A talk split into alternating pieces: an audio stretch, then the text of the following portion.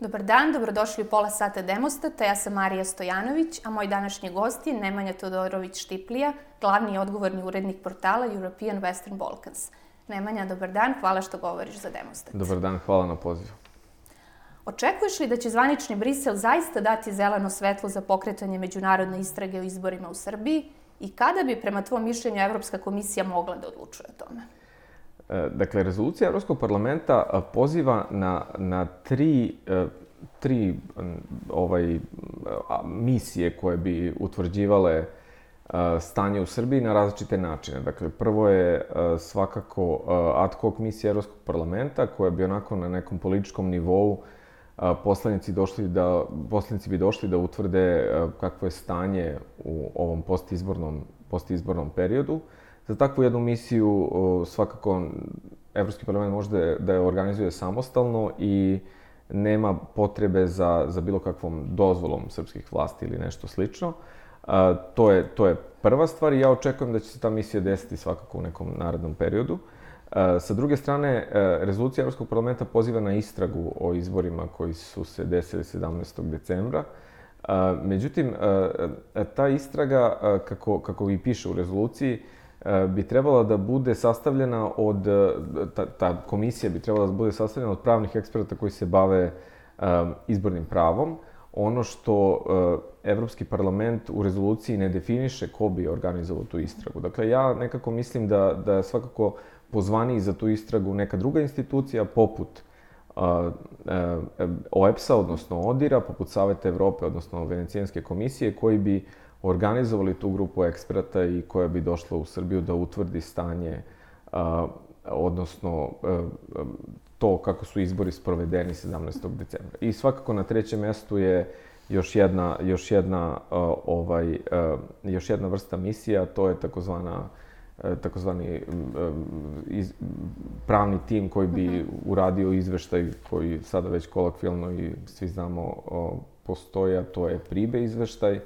Tu se radi o tome da bi, da bi na neki način uh, Evropska komisija uh, i njeni pravni eksperti uh, utvrdili koje je stanje vladavine prava u Srbiji, izvrši jednu sveobuhvatnu analizu kakva je uređena i u Severnoj Makedoniji i u Bosni i Hercegovini, gde bi što sam ja negdje rekao, ovaj, na neki način bila razmontirana ovaj, zarobljena država u Srbiji i način na koji ona funkcioniše. A kako komentarišeš reagovanja zvaničnika Srbije na rezoluciju Evropskog parlamenta? Oni su to čak uporedili sa ultimatumom Austro-Ugarske Srbije 1914. godine.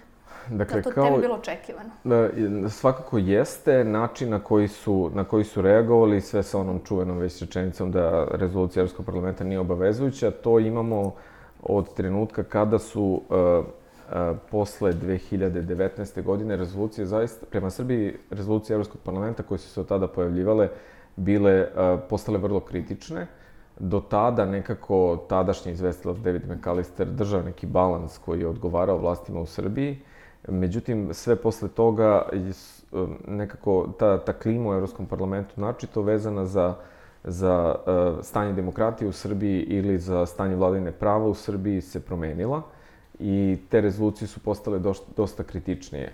I primetili ste i sami da ovaj, rezolucije Evropskog parlamenta su i čak i pre izveštaja Evropske komisije pominjala neke tendencije u zemlji koje se tiču te dve teme na, na, na prvom mestu, a onda i svega onoga povezano sa njim, poput e, različitih afera koje su se otvarale u Srbiji i da je onda da se onda nekako iz te rezolucije sve prelivalo na izveštaj Evropskog parlamenta. Ja to, e, ja verujem da, da vlasti sada uh, očekuju tako nešto, jer rezolucija Evropskog parlamenta kao takva slažem se, nije, nije obavezujuća, ali je značajna kao prvi dokument koji na neki način dokumentuje sve ono što se desilo na izborima 17. decembra. E, takođe, on može da dovede do, toga, do tog prelivanja i na druge izveštaje, e, ne samo Evropske unije, nego i nekih drugih institucija, pa čak i e, organizacije koje se bave praćenjem vladine prava i demokratije u svetu, poput Freedom House-a ili, ili nekog, nekog slično. Takođe, ono što ja e, uvek pominjem je to da evropski poslanici dolaze iz nekih partija koje su vlast ili opozicija u nekim drugim zemljama Evropske unije. E, i da će vrlo lako sada to preći na neke nacionalne nivoje, dakle na nivoje država članica i ja verujem da će posle izveštaja ODIRA koji će biti objavljen krajem ovog mhm. meseca biti reakcija i nekih drugih država koje imaju interesa da Srbija bude i demokratska i država vladavine prava. Znači neće proći bez odjeka to? Neće proći uh mhm. -huh. bez, bez većeg odjeka. Kažem, po nekim mojim informacijama već se u nekim, nekim parlamentima spremaju neke komisije uh mhm. -huh. i dokumenti koji bi, koji bi govorili o tome. Međutim, kao što rekao, svi čekaju izveštaj Odira, jer to je polazna osnova za sve, za sve dalje. Evropski parlament i ranije posredovao u pregovorima vlasti i opozicije o izbornim uslovima, ali se suštinski ništa nije promenilo, naročito kada je reč o medijskoj situaciji, ali i o poštovanju izbornih uslova uopšte. Da li će ipak biti nekih pomaka narednih meseci? E, Evropski parlament e, je imao dve ove runde međustranačkog dijaloga koji koje nažalost nisu dali, dali rezultate. Ja mislim da tu velika greška Evropskog parlamenta bila što nije, htela, nije hteo da, da pritiska vlasti mnogo više, načito posle, posle prve runde i situacije gde smo sve neke dogovore koje smo imali za izbore 2020. dakle za bojkotovane izbore, ovaj, da se sve kasnije vratilo vratilo na staro. Mislim, sećate se situacije kada je Olivera Zekić prvo mhm. otišla, pa se onda vratila vla, vratila Tako ne, i postalo gore. I postalo je, da, tačno, i samo je postalo gore. A, kod prvoj te runde imali smo neke, neku implementaciju nekih dogovora, ali kod druge runde, koliko, koliko ja znam, implementacije skoro da nije ni bilo. Takođe, svi ti dogovori manje više bili su vezani za preporuke uh, Odira, Dakle, Odir prati izbore ovde od 2003. na, na ovu stranu uh, i posle svakih izbora ima ima ovaj mm, izveštaj. ima izveštaj sa preporukama šta bi to trebalo uh -huh. se promeni za neki naredni izborni ciklus. Nažalost, ovde se to vrlo selektivno radilo. Uh, um, vlast je uzimala one najbezbolnije elemente Odirovog izveštaja koje je pokušala da implementira. Međutim, sve ono što se tiče medijske slike, u kampanji sve ono što se tiče pritiska na birače, korišćenja sredstava, državnih sredstava u kampanji i dalje su ostali, ostali veliki problemi. Ja mislim da, da bi sve, da bi evropske institucije, ali i OEPS i ODIR naravno i Savet Evrope trebali da insistiraju na na ovim, na ovim preporukama da se one što pre primene do bilo kojih drugih ovaj, izbora. U rezoluciji Evropskog parlamenta pominje se i mogućnost zamrzavanja predpristupne pomoći Evropske unije Srbiji. Šta bi to konkretno značilo, koliko novca bi vlasti izgubile i kolika je opšte vrednost bespovratnih sredstava koje Srbija dobija na godišnjem nivou? Ko kontroliše potrošnju tog novca? U rezoluciji se e, poziva na, na, jednu, na jednu proveru tih sredstava koje se, koje se daju u Srbiji iz predpristupne pomoći. E, međutim, e, moram da kažem da ja sumnjam da to na taj način, kako, kako se kaže u rezoluciji, mm -hmm. može da bude primenjeno i može da bude primenjeno brzo. Ono što što uh, Evropski parlament očekuje od Evropske komisije i prvenstveno nekih drugih institucija koje se bave uh, proverom tih, potrošnje tih sredstava, dakle kao što su Evropski revizorski sud ili ili neke slične tome, da prosto izvrši jednu istragu u tome kako Srbija troši, troši sredstva uh, dobijena od Evropske unije. Uh, ta sredstva su značajna i svakako ta sredstva uh, većinom odlaze u um, u one tokove koje su, koje su građanima, građanima uh, važni, znači u zdravstvo i u školstvo i u poljoprivredu. E, tako da e, i u razvoj nekih drugih grana nije sad to važno. Ekologiju, ali, recimo. Ek, zaštitu životne mhm. sredine, mm -hmm. turizam i, i tome slično. E, tako da ja e, mislim da to onako kako je Evropski parlament definisao u rezoluciji mm -hmm. nije baš, e, baš moguće e, sprovesti mm -hmm i sprovesti tako brzo kako, kako oni očekuju. Međutim, e, postoji, e, postoje neke druge stvari koje koje mogu da se dese u, u nekom narednom periodu, a to je recimo ovaj plan rasta, mhm. -huh. koji je sada da, glavna bok. tema. Tako je, e, ja mislim da kod plana rasta, e, da će e, Evropska unija zaista pokušati da uslovi sred, mm -hmm. ta sredstva mnogim stvarima prema državama Zapadnog Balkana. Nije to, nije to zbog toga što ona sad kao mhm. nešto, nešto želi loše uh, ili baš želi da pritisne države Zapadnog mm -hmm. Balkana, nego je to uh, zbog toga što prosto debatu u Evropskoj uniji, da li sredstva iz budžeta Evropske unije treba da idu zemljama koje, koje nisu demokratije ili ne poštuju vladavino prava. Prvenstveno, sećate se, to je bilo i u vezi Poljske i sada i dalje jeste u vezi Mađarske. Um, Evropska unija samo prosto želi da te zemlje budu, budu demokratije, ispunjavaju sve one uslove koje, koje, zbog koga su i postale članice Evropske unije, a tako i kod kandidata prosto mora da postoji neki minimum vladavine prava uh, koji bi, koji bi doveo do toga da, da ta sredstva mogu da budu povučena iz evropskih fondova. Uh, koliko, koliko znam, E, uslovi za, za plan rasta će biti postavljeni svim, svim zemljama. Verujem da će ti uslovi biti podjednaki, možda u, po pitanju Srbije i Kosova će biti nešto drugačiji, zbog toga što, što deo uslova mora da bude vezan i za, i za dijalog Beograda i Priština, odnosno implementaciju Ohridskog a, aneksa. Evo, taman si dao dobru uvertiru za naredno pitanje. Kako gledaš na izjavu ministra spoljnih poslova Ivice Dačića da Srbija želi da nastavi evropske integracije, ali da ne može da prihvati da one budu uslovljene priznanjem Kosova? I smatraš li da će aneks iz Ohrida ući u pregovaračko poglavlje 35?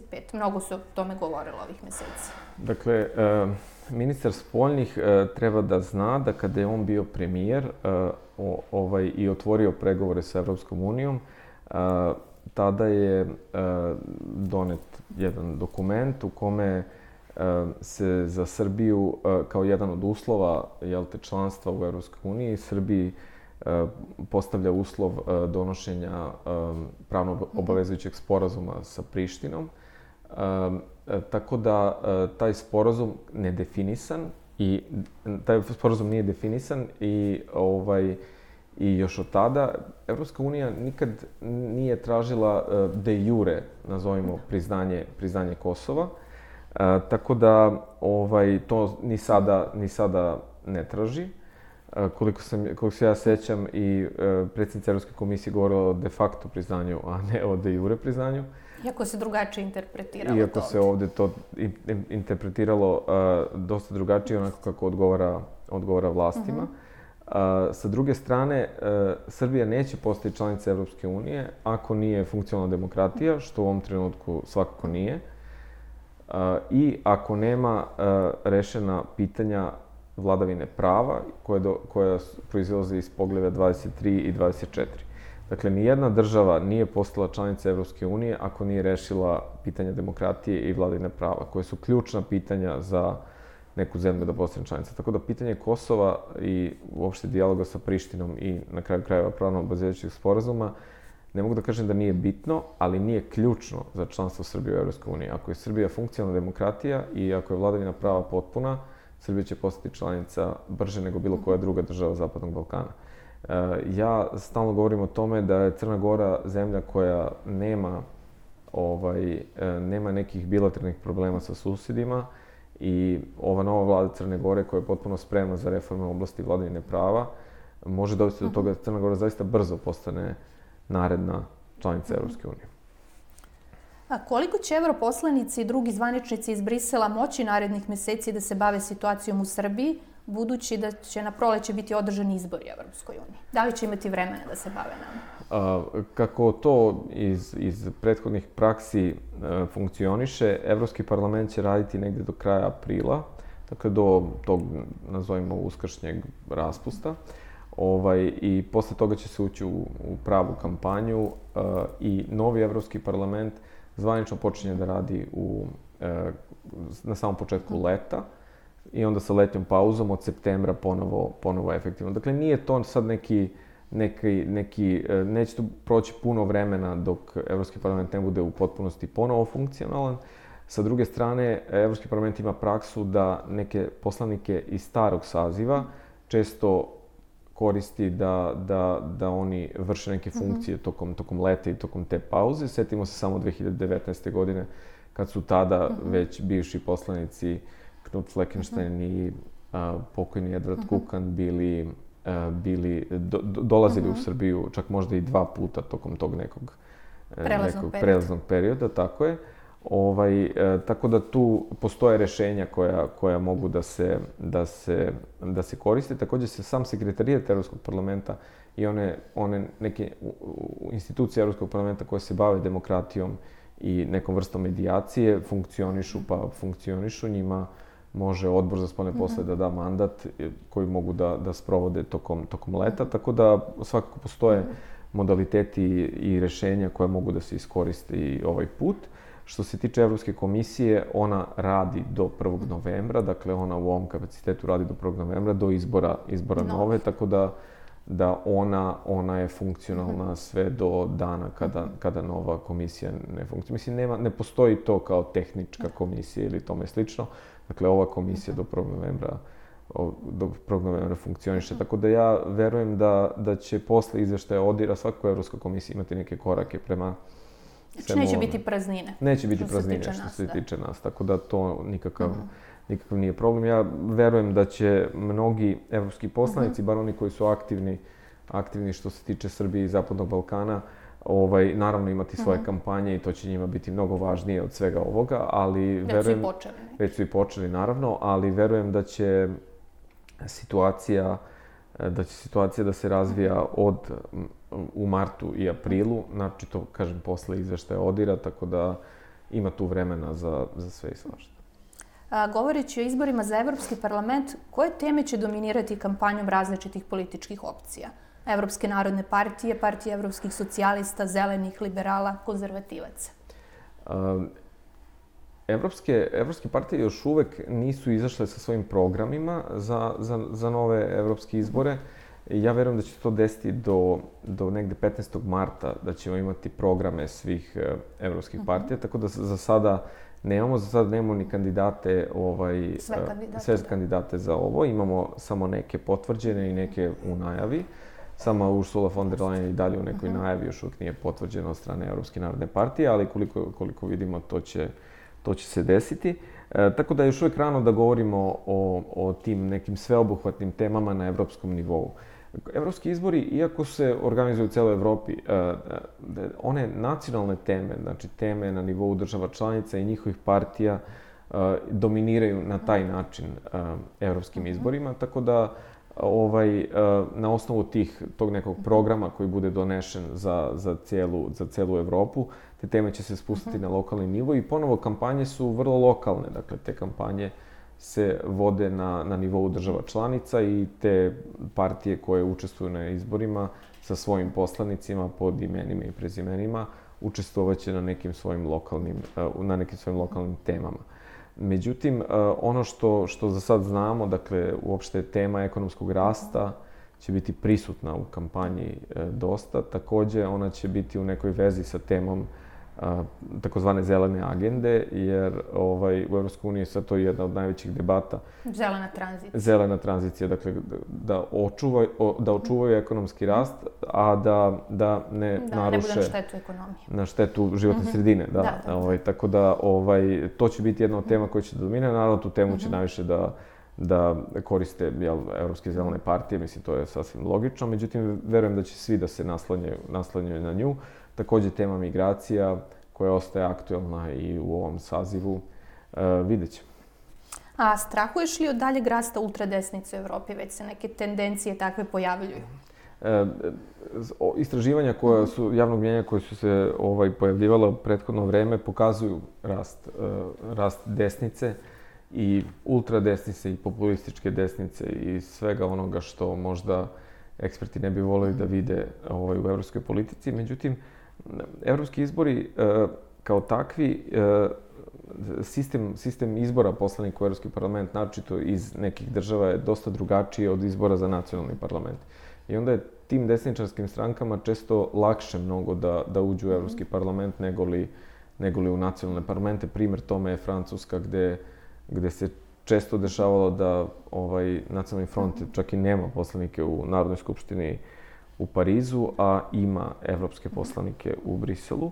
A, sa druge strane, i sami birači na neki način ne smatraju evropske izbore a, a, toliko važnim da mogu da se poigravaju -hmm. sa, sa svojim glasom i daju malo glasove ili krajnjoj desnici ili krajnjoj levici. Jer kod nacionalnih izbora, kod nacionalnih izbora, izbora u državama članicama, birači razmišljaju o tome, i o budućnosti uh mhm. -huh. svoje zemlje i, i, i načinu na koji će da glasaju. I treća stvar, evropski izbori često služe i tim desničarskim partijama da, da, da kazne ovaj, nacionalne vlade i nacionalne partije, pa često dolazi do, do onako nekog baš suprotnog glasanja, kakav je primer Francuska uh mhm. -huh. ponovo. E, vidjet ćemo kako će evropski izbori biti, biti organizovani u Nemačkoj, kako će u Nemačkoj to da prođe zbog cijelog ovog rasta desnice u Austriji i Nemačkoj, ali verujem da, da ponovo te teme e, koje se tiču, e, koje se tiču evropskog e, nivoa vlasti i načina na koji kampanja, na koji se kampanja bude odvijala na nacionalnom nivou u Nemačkoj će odlučiti kako će, kako će ljudi glasati. Hvala ti Nemanja, ili imaš još nešto da poručiš za kraj? E, samo bih rekao da ako su izbori bili najčistiji mogući, čisti ko suza, e, međunarodna istraga nije nikakav problem. Hvala ti. Hvala vam. Vama, dragi gledalci, hvala na pažnji i doviđenja.